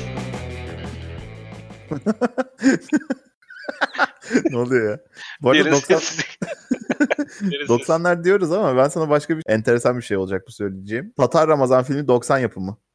Tatar Ramazan 90 yapımı mıymış? Hadi buyur. 90'larda Tatar Ramazan diye bir gerçek var hayatımıza. Gerçek girdi yani. Tatar Ramazan ben sadece YouTube videolarıyla biliyorum yani filmi baştan sona izlemişliğim yok. Bu arada Tatar Ramazan Sürgünde diye bir devam filmi varmış galiba. Ya ama 90'larda da çok enteresan filmler var. Yani hala e, üzerine çok uzun süreler konuşabileceğimiz mesela Fasulye diye bir film vardır. Aa Fasulye'yi bilen bir insanla karşılaştım tekrar yıllar sonra. Fasulye çok güzel bir filmdi. Abi onun şeyi e, soundtrack'i Kurban tarafından yapılmıştır. Evet, evet, evet. evet. Düşmüyor yakamdan ne çektim bu adamdan. E, müthiş bir film ya. Bülent Kayabaş'ın. Bülent Kayabaş zaten muhteşem bir seslendirmen bir oyuncu. Hı hı. Ama muhteşem deyince benim aklıma onun ölme sahnesi geliyor. Yavaş çek. Şey Eee, neydi? Karateci Kız. Bülent Kay Kayabaşı'nı 2017 tarihinde kaybettik. Kendisi bu arada çok bilinmez. Winnie the Pooh'yu ve aynı zamanda Tigger'ı seslendiren kişidir. Ha ikisini birden mi seslendiriyor? İkisini birden seslendiriyor. Bülent Kayabaş gibi böyle kallavi, pos bıyıklı böyle tam böyle abi tipli. Winnie the Pooh'un böyle bal istiyorum he he falan diye ses çıkartmasını da hep böyle garip bulmuşumdur. Fasulye bu arada 2000 yapımı Bora Tekay'ın yönettiği Haluk, Haluk, Haluk değil, Haluk Özenç'in senaryosunu yazdı. Absürt bir komedi, polisiye, macera, yol filmi. Ana karakterimiz hiç konuşmuyor. Bir de bir gün içerisinde bitiyor film. Yani bir Evet. gün filmi. Yani Nasıl söyleyeyim? yanlış hatırlamıyorsam işte bir tarafta polis var, bir tarafta mafya var, bir tarafta bizim bu gariban çocuk var, bir tarafta aksakallı bir dede var. Bir yerden bir yere gidiyorlar işte bunlar. Ee, neydi? Hatta köydeki o çocuğun olduğu köydeki emeklilerin vergi iade zarflarıydı yanlış anımsamıyorsam. Şehre Değil mi? götürme görevini o mi? gence veriyorlardı. O vergi iadesi zarfı hazırlanırdı eskiden ben hatırlıyorum. Benim yani ben yazardım şeyi. Anneme babama yardımcı olurdum. O çünkü bir uzun bir süre süreydi yani. Şeyde o fasulyeyi bilmiyorum şu an geçiyor muyuz geçmiyor muyuz ama iki film daha söyleyeceğim sana. Dur fasulye bitirmeden şimdi bunlardan bahsedince aklıma geldi. Fasulyenin hikayesi şu an müthiş derecede Blues Brothers'a benziyormuş. O geldi aklıma. Aha, doğru söylüyorsun. Kutsal bir görev amacıyla yolculuğa çıkıyor ama sürekli peşlerinde birileri var. E mesela bu Yüzgerin Efendisi'ne de benziyor. FRP.net'in sunduğu Kallavi Muhabbet 6. bölümüyle devam ediyor. Saniye saçma sapan. İki film daha demiştin. Ya evet iki film daha var. Bir tanesi Hamam. Mehmet Günsur'un ilk ortaya çıktığı filmlerden bir tanesi. Ee, diğeri de Hande Teyze'nin ortaya çıktığı Mum Kokulu Kadınlar filmi. Ama bunu söylerken neden gülümsedim onu sorgulama. Konuşmak istemiyorum. E, Hamam'ı izlemedim. Hamam Zeki Demirkubuz'un değildi değil mi? Yanlış mı hatırlıyorum? Bir dakika. Hamam şeyin ya. Ferzan Özpetek. Ferzan Özpetek. İkisini hep karıştırırım filmlerini. Ki birbirinden çok alakasız yönetmenler yani. Çok özür diliyorum buradan sevgili Ferzan Özpetek ve Zeki Demirkubuz'dan. Eğer bizi dinliyorlarsa selamlar. Biz sizi çok seviyoruz. Sizlerin hayranlarına boğuldum. Kendi yalakalığımda boğuldum. Sen izledin mi bu filmleri peki? Sen bir şey söyleyebilir misin? Sanki hep ben konuşmuşum gibi hissettim ya. Osman Bey kardeşim ne oluyoruz ya? Yo ben işte şey pası veriyorum sana. Sen golle gidiyorsun. Tam golü atacak atacağın zaman offside çalıyorum. Saçma sapan. Yok yok. E, Hamam'ı izledim. Hamam çok güzel film. Hikaye olarak şey. İtalya ile bir bağlantısı vardı. Bir mimardı ana karakterimiz. İtalya'yı terk edip İstanbul'da yaşamaya başlıyordu. Ondan sonra bir hamam kalıyordu teyzesinden öldüğü zaman. İş hayatında işte o hamamı tekrar bir canlandırma e, hevesi, heyecanı vardı çocuğun. E, ama eşiyle çok ciddi problemleri vardı ve bunu konu alıyordu film. Ben senaryosunu çok beğenirim bu filmin. İkincisi bu filmde benim hissettiğim şöyle bir şey olmuştu. Bu biraz aslında Avrupa tarihi ve Türk tarihiyle, daha doğrusu Müslüman ve Türk tarihiyle e, bağlantılı bir şey olacak. Şimdi İtalya'dan İstanbul'a geliyor ana karakterimiz. İstanbul'daki hayatla İtalya'daki hayatın o dönemlerde bir yere kadar aynı olabildiğini düşünüyorum ben. Aynı olduğunu düşünüyorum. Hı. Yani neye dayanaraktan? Hani gözlemin nedir? Şöyle söyleyeyim. Bana hissettirdiği bu. Bir gözlemim yok. İstanbul'un o köklü geçmişi, köklü tarihi, bir dönem dünyanın buradan yönetiliyor olması. Biraz daha geriye gittiğim zaman işte İtalya'da Roma var. Roma İmparatorluğu. E, İstanbul'da ilk kurulan şehrin adı işte Bizantium ama ondan sonra ismi değişiyor. Şehrin Konstantinopolis oluyor. Ama bir dönem var ki İs- İstanbul'a hani Konstantinopolis'e e, Yeni Roma ismini veriyorlar. Bu ikiye ayrıldığı zaman şeyler. Çünkü Hı hı. orada Vatikan Kilisesi var. Burada Ortodoks Kilisesi. burası, e, Ortodoksluğun merkezi ve bu Ortodoksluğun merkezini dünya Ortodoksluğuna kazandırabilmek için yani kabul ettirebilmek için çok ciddi bir mücadele var falan. Şimdi öyle hikayeleri e, yani öyle tarihi bilince bu filmi izlediğim zaman Ulan İtalya, İstanbul hani çok yakın birbirine gibi bir şey Hmm. hissettirmişti bana film. Bu daha önceki seninle Petra ve Kokoreç konulu bölümümüzü bölüm 2'de konuştuğumuzda İtalyan sinemasının da yemeğinin de Türklere ne kadar çok benzediğinden bahsetmiştim mesela. Hani bu çıkarımına katılıyorum. Hatta mesela senin verdiğin bilgi- bilgilere şöyle bir şey katabilirim. Roma İmparatorluğu o kadar çok büyüdükten sonra artık yönetim zorlaşmaya başlıyor. Doğu ile Batı arasındaki çünkü iletişim mesafesi çok artmaya başlıyor. Diyorlar ki hani ikiye bölelim kontrol daha kolay olsun. E peki ikiye böldükten sonra Doğu'nun başkenti neresi olacak? Aramaya başladıklarında çeşitli şehirlerin isimleri ortaya çıkıyor ama İstanbul'un isminin ön plana çıkmasının tek bir nedeni var. Roma Yeditepe üzerine kurulmuştur. İstanbul'da da Yeditepe vardır. O Aa. yüzden e, evet Doğu Roma'nın başkenti İstanbul seçilir. Sadece bu sebeple mi? Sadece bu sebeple olmaması Bu lazım. sebep çok ağır basıyor. Yani işte Boğazı'nın olması, iki denizli kıyısının olması vesaire falan tabii bunların hani farklı e, sosyopolitik etkileri, maddeleri var elbette ama Roma Yeditepe üzerine kurulu olduğu için 7 rakamında Romalılar tarafından uğurlu sayıldığı için İstanbul'da Yeditepe'li olduğu için zaten bu bizim eski sur içerisi dediğimiz, eski sur içi dediğimiz bölge Yeditepe'nin olduğu yerdir. Yani Evet. e, eski Roma'da Bizans'ta bu surların içerisinde kendini göstermiştir. Yeditepe'yi say dersen hepsini sayamam da büyük ihtimalle. Yeditepe'den biri Çamlıca değil mesela yani hani bilmeyenler için söyleyelim. Sur içerisine kalan bölgeler. Hah ben de tam oraya gelecektim. Şimdi şey çok komiğime gidiyor benim işte Maltepe'nin üst taraflarına böyle çeşitli siteler yapıldı. Büyük uzun bloklar. işte Kayış Dağı dolu vaziyette Rezidanslar. rezidanslar. Ondan sonra e, başı büyük tarafı işte minik minik minik minik değil artık. Bayağı hızlı hızlı büyüyor ve o orman bölgesi yavaş yavaş küçülüyor. İnsanlar oraya bakıp aa görüyor musun İstanbul Yeditepe işte her tarafı bilmem ne falan. Dediğin doğru İstanbul Yeditepe dediğin şey sur içinde kalan 7 tane tepedir ve Osmanlı döneminde o 7 tepenin üzerlerine birer tane cami dikilmiştir. E, Mesela birinci bunları hep ezberden söyleyeceğim. Sarayburnu'nun olduğu yer yani Topkapı'nın olduğu yer. İkincisi Çemberli Taş. Çemberli Taş'ın üstünde Nuri Osmaniye Camisi var. O da Osmanlı Baroğu'nun çok önemli bir eseridir. Evet. Üçüncüsü Süleymaniye. Süleymaniye Camisi de Mimar Sinan Camisi'dir.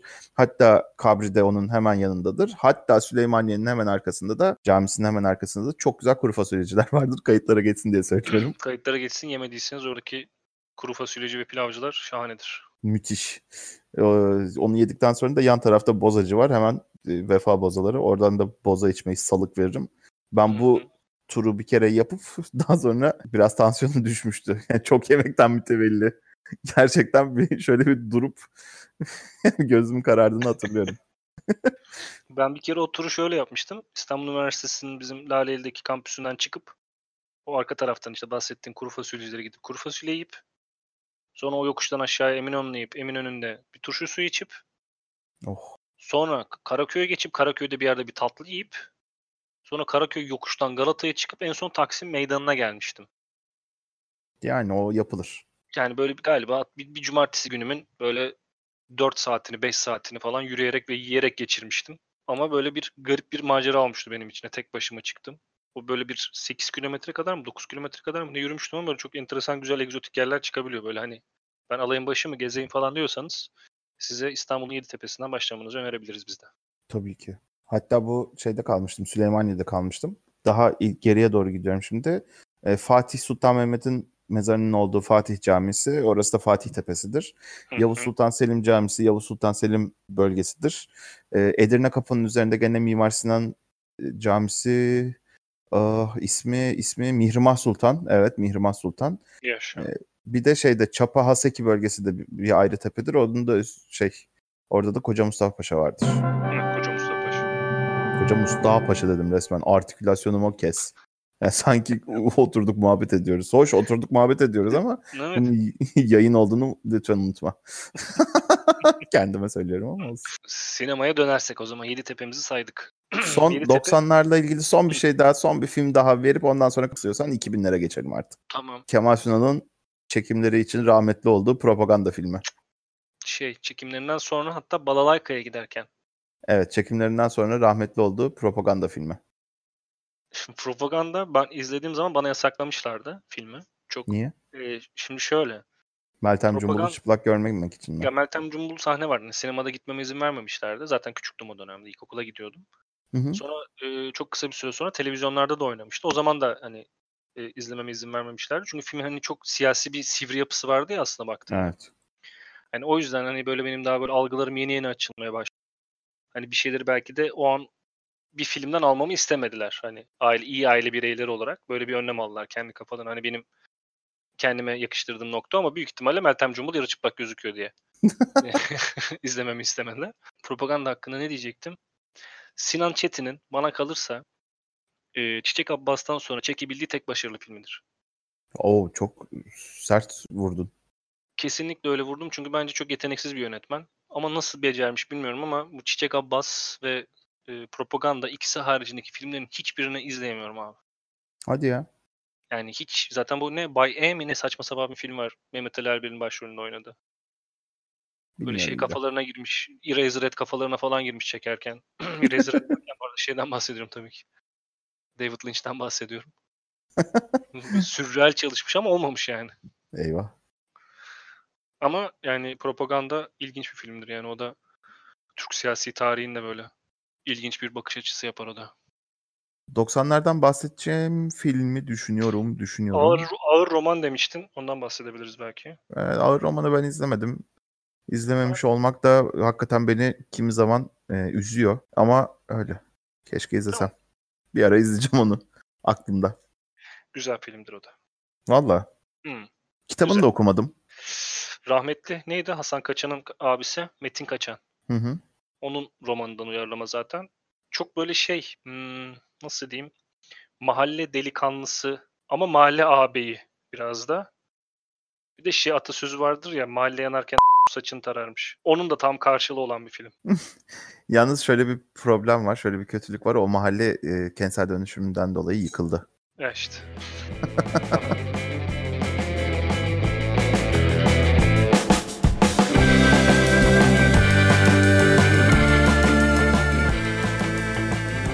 Cuma günü son dersin beden olmasının yaşattığı sevinci aşılayan kallavi muhabbete devam ediyoruz. ne güzel başlangıç ya. Cümleyi kafamda toparladım. Güzel oldu. Gerçekten şeyi hissettim orada. E, eşofmanla eve gittim yani. O mutluluğu verdim bana. İnşallah seyircilerimizin büyük bir kısmı da bunu evinde pijamayla ya da eşofmanla dinliyordur. Ee, Niye ya? Ben çok gerildim şu anda. Yayına devam edemeyeceğim. sen de pijamayla duruyorsun. Ben de pijamayla duruyorum şimdi. Yalan söyleme.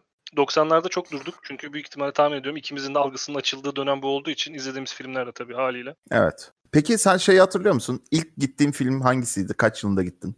Annem götürmüştü. 95 senesi olması lazım. Aslan Kral. Aa. Tabii.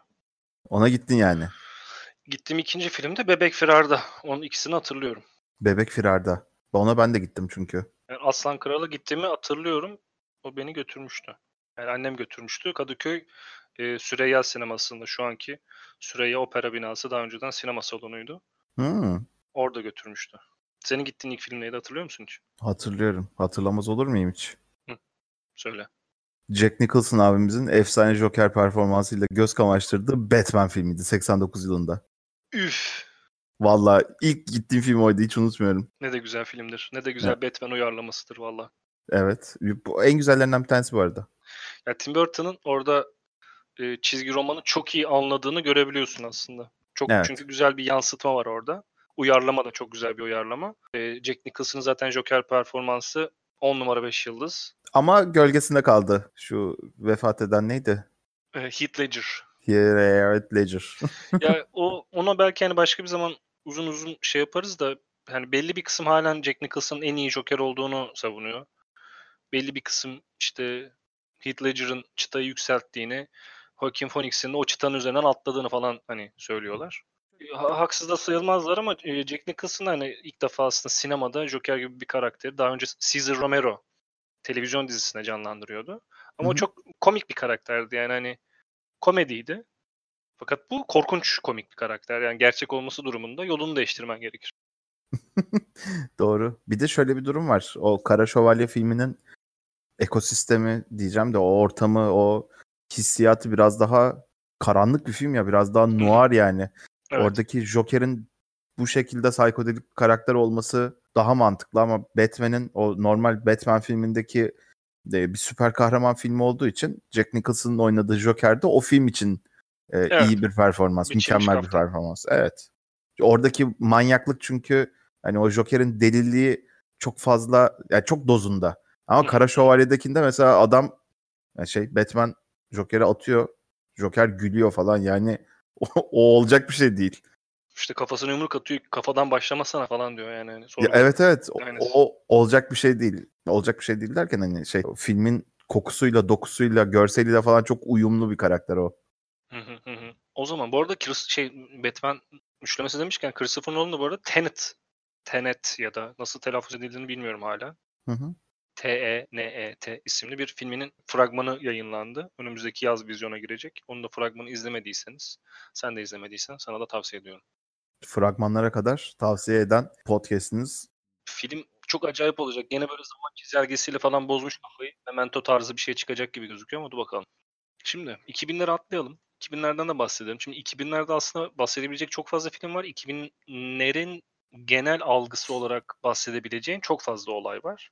Yani ne yazık ki hadi burada film ismi verip de şey yapmayalım. Bir şeyleri karşımıza almış gibi olmayalım da ucuza mal edip gişede para kazanmak amacıyla e, küfürün ön planda olduğu, kadın cinselliğinin kullanıldığı ya da hikaye sunmayıp böyle kısa kısa skeçlerden oluşmuş filmler 2000'li yıllarda Türk sinemasını fethetti ne yazık ki. Birçok açıdan. Lan ne güzel söylüyorsun ya. Sen ne güzel suya sabuna dokunmadan muhteşem. Çok doğru doğru söylüyorsun. Evet. Ben bu yüzden dayak yemiyorum. Tahmin ettim. Ama bana kalırsa 2000'lerde de çok güzel filmler var. Neler var mesela? Sen söyle. 2000'lerden. Bu arada şöyle başka bir şey söyleyeceğim. Mesela şey işte 60'lar, 70'ler, 80'ler falan diyoruz ya. Hı. Bir 2000'lerin başı var. Bir de 2010'lar On yani onlar diye bahsedebileceğimiz bir dönem daha var. Doğru, haklısın. Ha, şimdi o 10 yıllık era kapanıyor. 2020'ye geçiyoruz. Yani geçtik yani bu podcast yayınlandığı zaman geçmiş olacağız. Çaktırma. Onun için e, biz aslında burada 2019'u yani 2010'ları da kapatan bir yayın olduğumuzu düşünüyoruz şu anda. Sesim de küçüldü ama. o zaman 2000'lerin başlangıcı olarak baktığın zaman aslında Vizontele mesela örnek gösterilebilir. E sonrasında 2004 yılında bahsettiğimiz Gora var mesela Cem Yılmaz'ın ki vizyona girmesi 2002 sonu ya da 2003 başı gibi planlanırken işte Cem Uzan'ın siyasi durumları yüzünden Cem Uzan'ın firması tarafından yayınlanacakken yayınlanamayıp iki yıl ertelenen bir film aslında Cem Yılmaz'ın. Kendi filmini satın alıyor. Hı hı. Daha sonra işte bu fikir sanat oluşumunu oluşturup filmin o, o şekilde yayınlıyor. Hatta o dönem Cem Yılmaz'a yılın e, aptalı ödülü mü ne vermişlerdi? Öyle bir şey yapmışlardı. Bence yani 100 yılın dahisiymiş de herif. O zaman yanlış. 2000'li yıllarla birlikte minik minik şey e, böyle komedi filmleri falan çıkmaya başladı değil mi? Hı hı. Ama şey komedisi hani Vizontele mesela bir komedi ama içinde biraz da böyle bir başka bir hüzün de barındırıyor. E ondan sonra mesela aklıma ilk gelen film gene 2004 yılında hani Gora dedin de ondan geldi aklıma. E, mesela Neredesin Firuze geliyor Evet. 2004 yılında muhteşem bir film. Yani komik ama içinde çok ciddi bir hani çok böyle bir kara tarafı da var yani noir tarafı da var. Artık şeye de hani dram filmleri konusunda da bizim daha çok aklımız başımızda olduğu için daha başka bir şekilde izlediğimiz filmler var. İşte Babam Oğlum gibi. Ondan sonra biraz daha böyle vurucu bir film daha söyle mesela. Çok acayip vurucu bir film söyle. Hmm, Vurucu film. Pardon geldi aklıma vurucu değil yani. O da komedi kısmı. Yok şey işte Ee, ne? Ada ben ayrılmak istiyorum. Neydi o? Issız Adam. 2008. Tabii tabii o dönemde insanlar hani sinemaya gidip gidip ağlıyorlardı. Yani Issız Adam da aslında hani şeydir.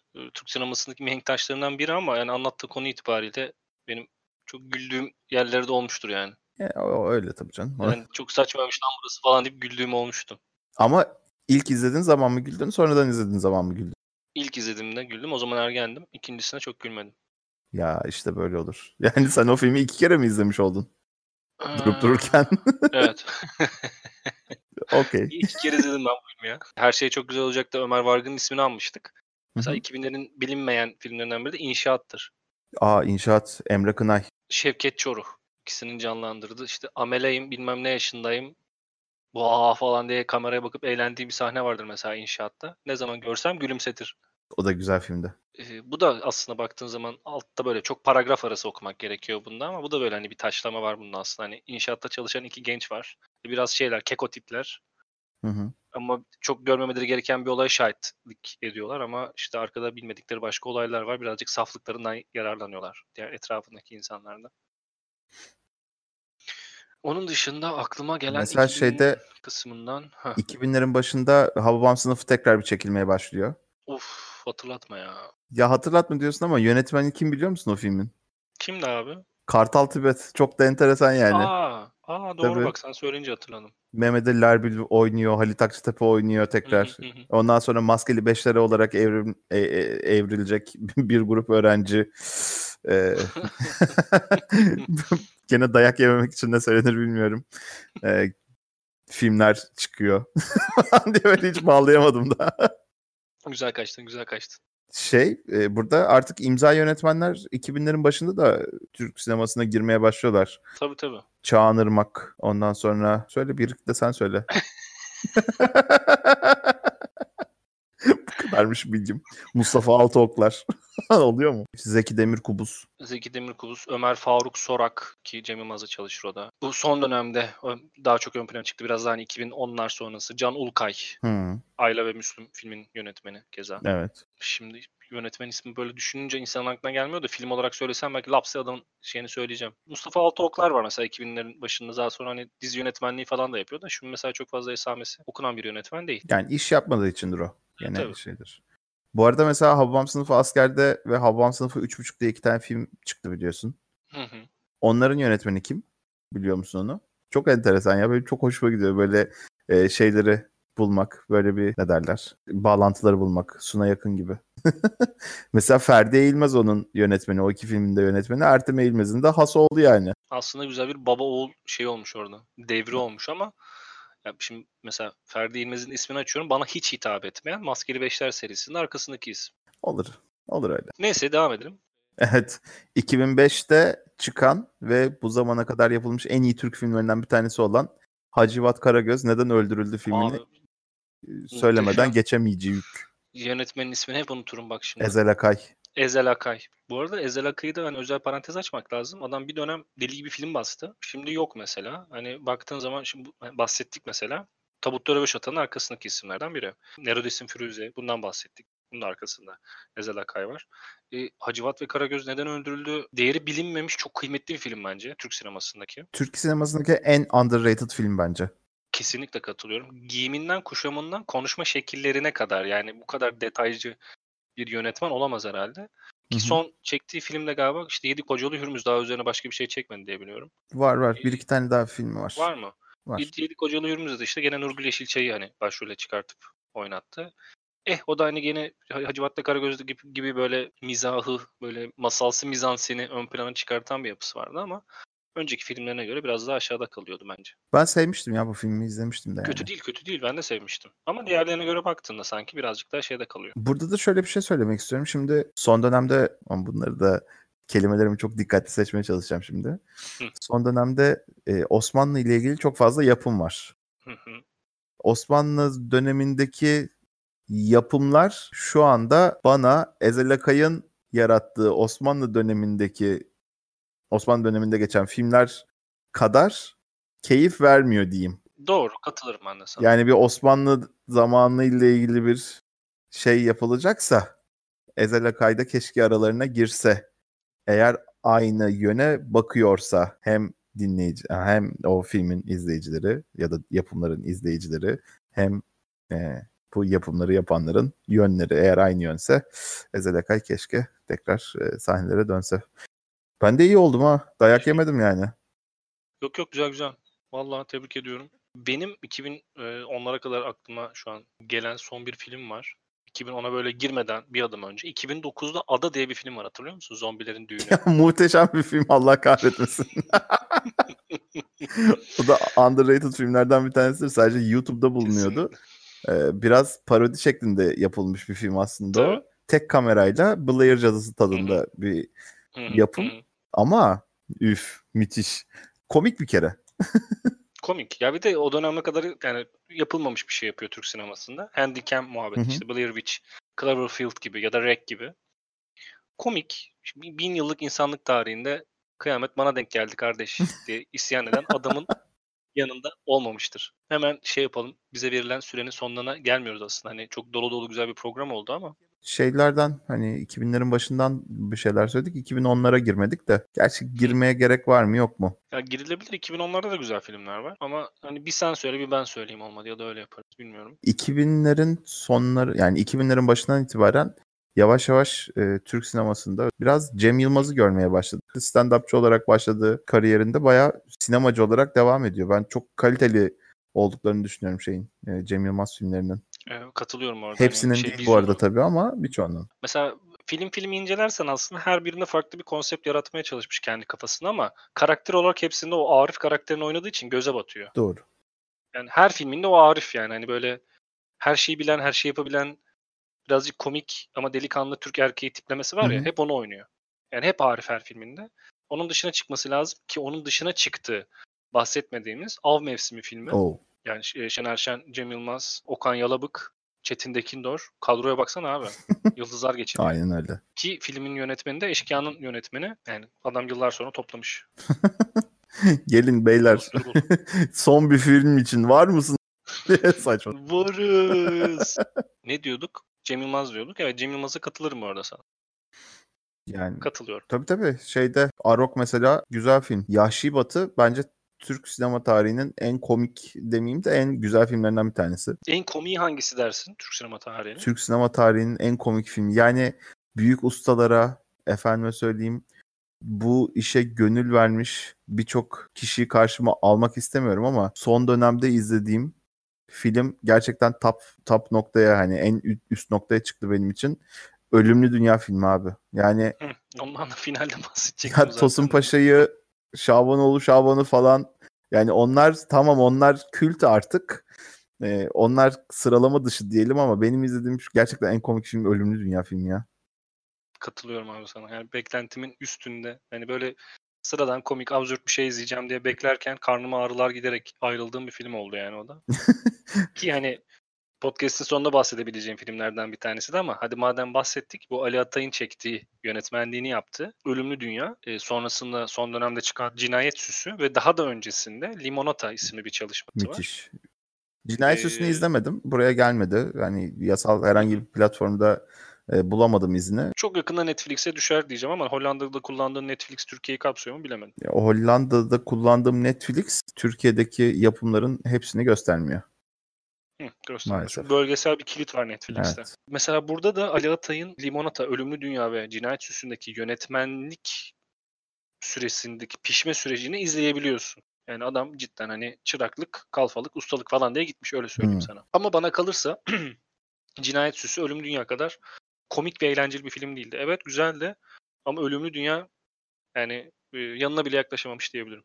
Cinayet Süsü yanına yaklaşamamış Ölüm Dünya'nın. Doğru mu anlıyorum? Evet. Aa. Doğru. Yani bana adamla paspas öldürttüğünüzden tut. eee, benim babamın bir şeyi kola kutusu gibidir. Ve eee, her gece yeminler ediyorum. Itır biz adam öldürüyoruz gibi hani diyaloglarla bahsettim ya sana replikleri hafızalara kazınan filmler. Bunlardır yani. Bu arada bir şey söyleyeceğim. Yani o sahnede insanlar güldü mü gülmedi mi çok bilmiyorum ama e, resepsiyonistle o adamın konu- Kapat kapat. Yani bedik bedik. ya müthiş bir şey ya. O, o sahne gerçekten filmin en komik sahnesiymiş. İkinci kez izlediğim zaman fark ettim ben de onu. Müthiş müthiş. Gerçekten müthiş. Limonata filminden de bahsetmek istiyorum ben bu arada. Limonata filminin e, yapıştır. çekim açıları, renkleri bence çok güzel. Ve Ciguli oynuyor rahmetli. E, Ciguli oynuyor evet. Ve o O bölgedeki şeyi çok güzel vermişler ya. O hissiyatı, o sahneler falan çok güzeldi. Benim çok hoşuma gitti o film. Ya derinlik olarak şöyle bir şey söyleyeceğim. Ee, Serkan Keskin'in oyunculuğuna zaten bir şey söyleyen taş olur. Açıkçası. İtirazım var. Öneriyorum burada. Gidiyorum. Aha itirazım vara geçtiysek o konuda da bir şey söyleyeceğim. O film mesela e, dini anlamda da e, Tasavvufi Heh, tasavvufi anlamda da kafanızı karıştırabilecek.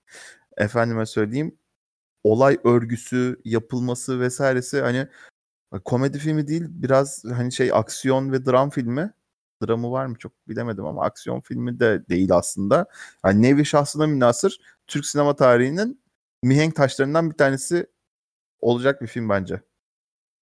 Ki orada mesela e, Cuma'da konuşurken Ebu Zer'den yaptığı alıntı gece yatağa aç girip sabaha kılıcına kuşanmayan adamın aklından şaşarım dediği yerde yani tüylerim diken diken olmuştu. Ne güzel bir sözdür o. Ne güzeldir bir tirat olarak girmiş. Bu arada o e, okuduğu Cuma e, konuşması da galiba daha öncesinde yazılmış bir yazıdan alıntıymış. Tam emin değilim ama bir yerde okumuştum. A- Ebu Zer Gıfari miydi? O kadar an- anımsamıyorum. Çok tasavvufi bir şey. Çok hakim olmadığım bir şey de filmi izledikten sonra hani Onur Ünlü'nün notlarını falan okuduğumda e, karşıma çıkan bir şeydi. Hani o konularla ilgilenenlere tavsiye edebileceğim bir şey ki itirazım vardı her açısından. Böyle al koy kenara. Hatta yani buradan World of Darkness'la ilgilenen, masaüstü rol yapma oyunlarında World of Darkness'la ilgilenen arkadaşlarım varsa Türkiye'de bir World of Darkness hikayesi nasıl işlenebilir diye düşünüyorsanız alın gidin itirazım var izleyin işte bu kadar işlenir. Oo. Hiç aklıma gelmemişti ha. Ya Vay. Açtın şu anda. Aa, aydınlandım. Gerçekten Rönesans'ı yaşıyorum. Birazdan heykele oymaya başlayacağım. Özel öyle bir şey var şu anda. beni tek ayak üzerinde lütfen resmet. ya öyle bir şey yapacağım. Ama taşın içindeymişsin de ben vura vura seni çıkartmışım falan diyeceğim yani odur. o aydınlanmayı yaşadım. Onu da övdük. Ben aslında öveceğim şey vardı. Nereden geldi aklıma? Recep Ha, İvedik. limonatalı yolculuktan hayır. Limonatalı yolculuktan bahsetmiştim mesela. Tolga Karaçelik diye bir yönetmen Hı çıktı. hı. Gençten bir yönetmen. E, bu Gişe Memuru diye bir film çekmişti 2010'da. Ben izlemedim ama çok güzel yorumları var filmin.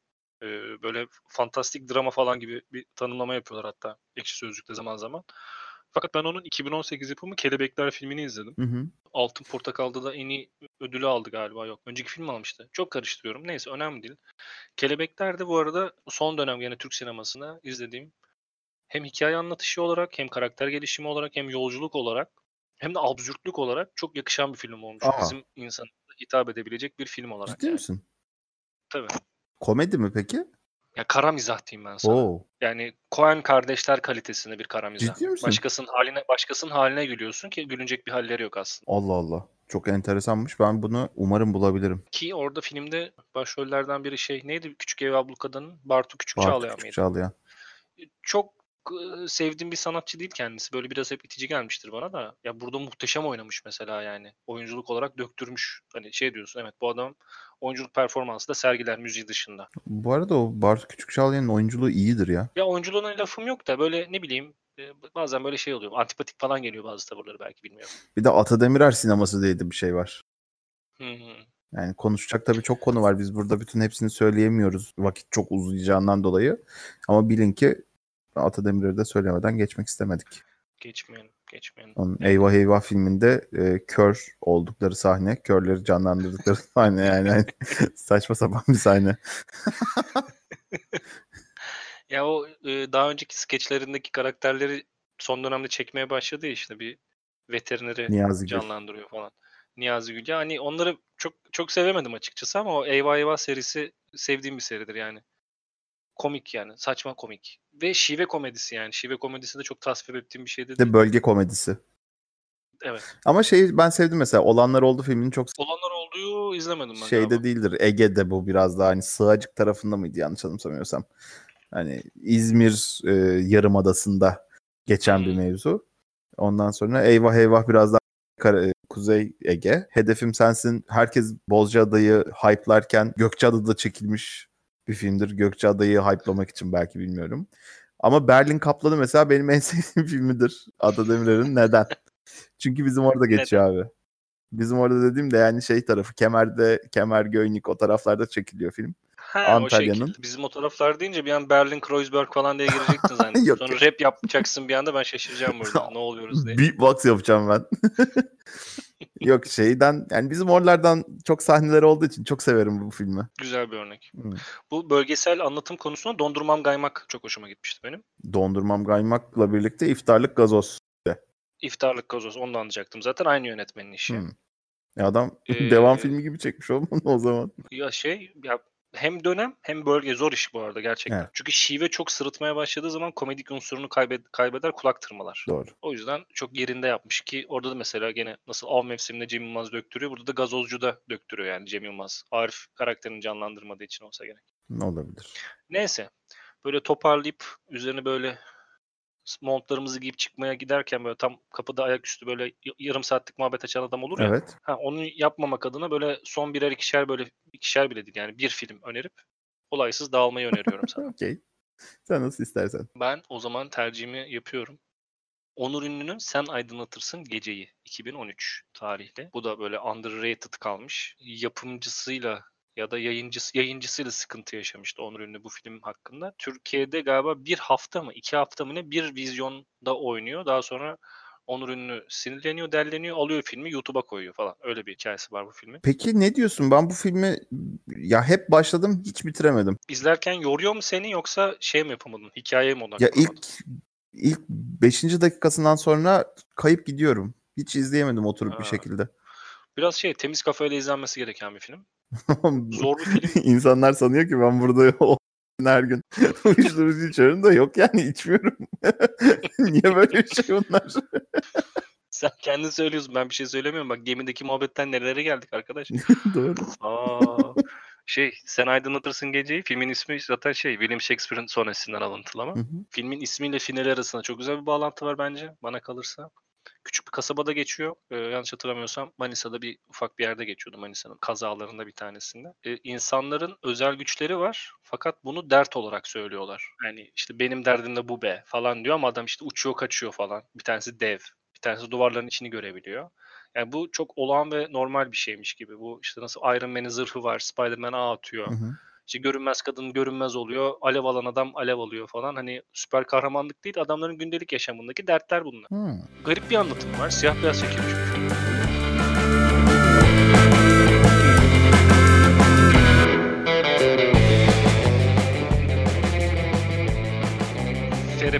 Sunduğu Galaksinin en iyi podcast'i. Kalli abi muhabbet devam ediyor. Arada böyle bir ufak teknik sıkıntı yaşadık. Hollanda bizi baltalamaya çalıştı. Ama biz bunlara Hollanda- pabuç bırakacak insanlar değiliz. Değiliz. Onlar gitsinler tahta pabuçlarını giysinler. ya da ben elimde portakal bıçaklıyım protesto için. Bak Adamların kül kültürleriyle dalga geçtik. biraz aşağılayıcı oldu. Bu aşağılayıcılığı bir tık daha ileri götürüp bunların hepsine peynir kafa demek istiyorum. Bu bu arada Hollanda'da şey e, yani aşağılayıcı bir tabir peynir kafa demek. Gerçekten. Hmm. Bu bir tane Amerikan futbol takımı vardı. Kafalarına peynir takıyorlardı. Acaba onunla mı bir alakası var? Yok Ho- hokey takımı mıydı? Amerikan futbol takımı mıydı? ha bilmiyorum onu. Yani onu bilmiyorum. Şundan dolayı e, bu pey yani bu Hollanda'nın peyniri çok önemli ya. Yani Hı hı. asıl e, ihraç ettiği şey peynir. Ondan sonra ya asıl ihraç ettiği değil de işte peynirleri çok meşhur yani. Ne, neyine çok önem atfettiysem peynir yani işte peynir kafa bunlar da. Yani öyle diyorlar. Yani eğer çok Tamam. aşağılamak istiyorsan bir Hollandalıyı al karşına peynir kafa de. Emin ol portakal bıçaklamaktan daha büyük bir etki oluşur ka- karşısında yani keşke peynir bıçaklasalardı. O gene iyiyim ha. Bayağı kritik save attım Yaşadığımız teknik problemi bize yaşattığı sinir bozukluğundan kaynaklı sizlere birazcık rahatsızlık verdik. yani Ee, Ama son- şunu söylemeden geçemeyeceğim ya bu saçma protestolarda Çin Seddi protestosu çok iyi değil mi? Ve o protesto gerçekten bir saniye falan sürüyor.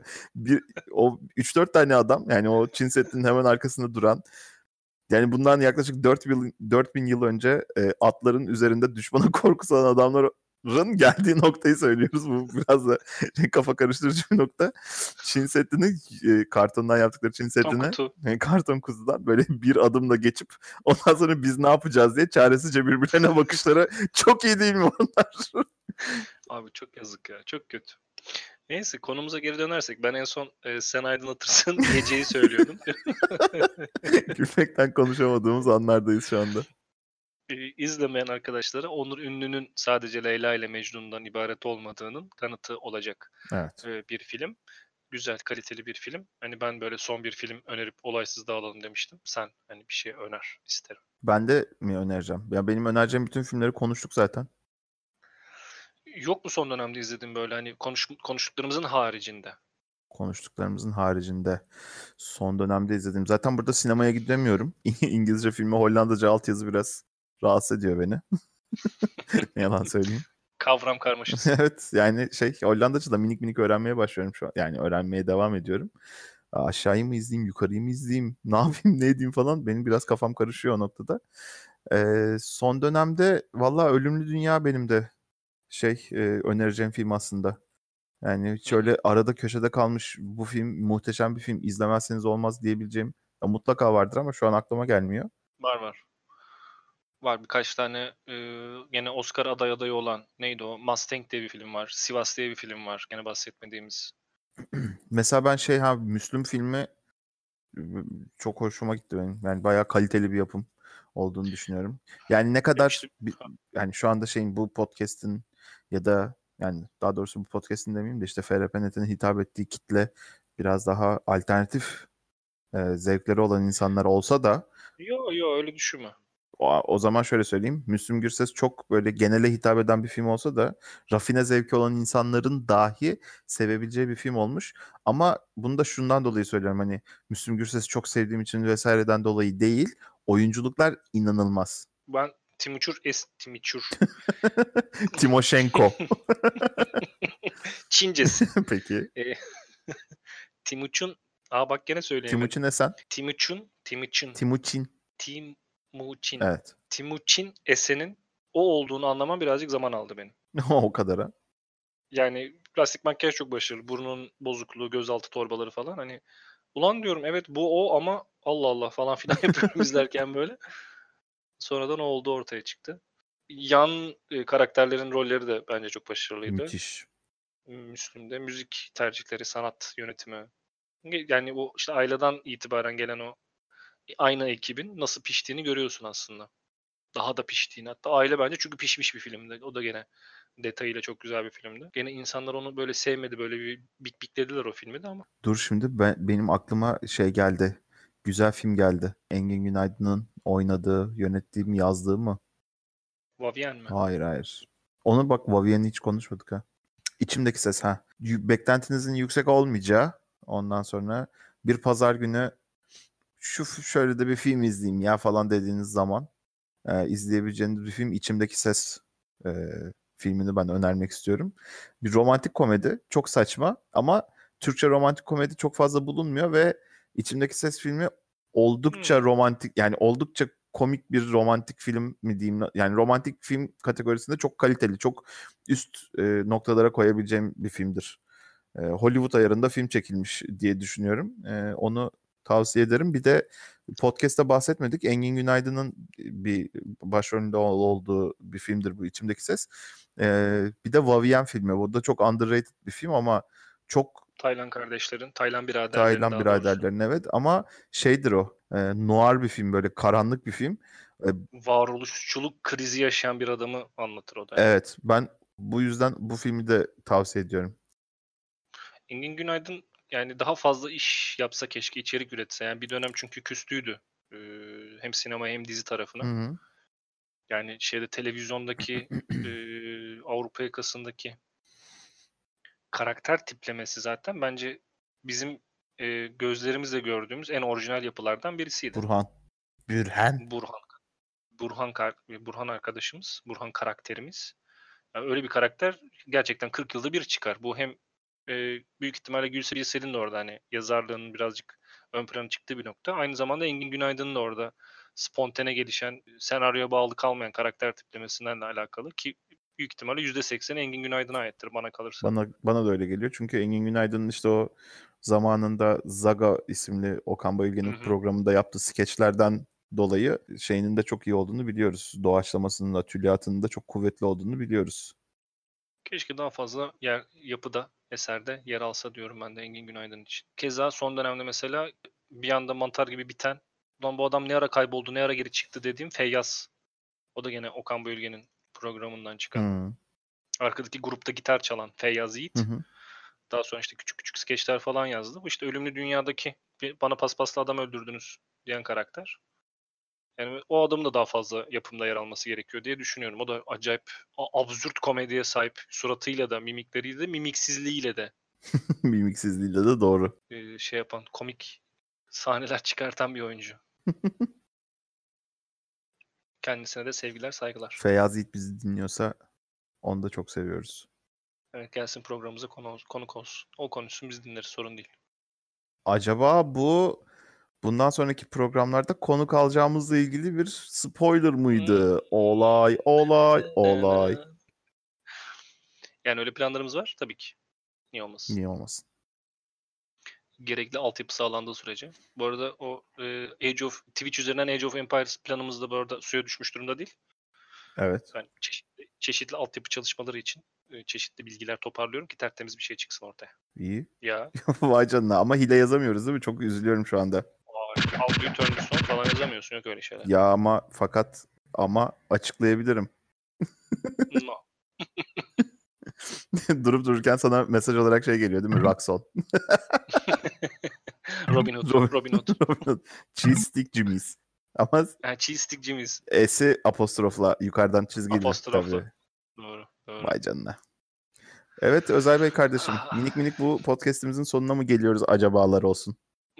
Geldik Osman Bey kardeşim. Galiba seninle beraber kaydettiğimiz en uzun podcast'te bu oldu diye düşünüyorum. Bu güzel muhabbetin üzerine çok genel bir konudan girdik aslında ama özele girip çıkıp girip çıkıp gene şey yapmayı bildik.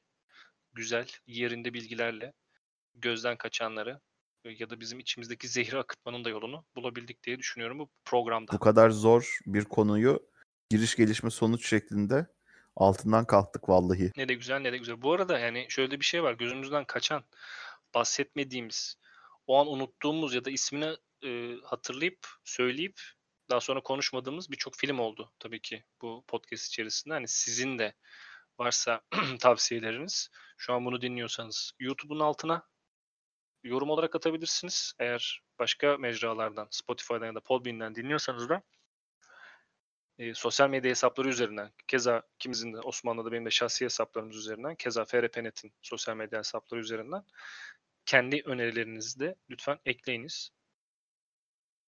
Unutmayınız Lütfen. eklemeyi. Yapmayın. Evet. O zaman olaysız dağılalım. Olaysız dağılalım. O zaman e, bizi dinlediğiniz için çok teşekkür ediyoruz. Bir sonraki bölümde mutlaka görüşeceğiz. Muhabbetiniz bol olsun. Muhabbetiniz Kalil abi olsun. Hoşçakalın. Hoşçakalın.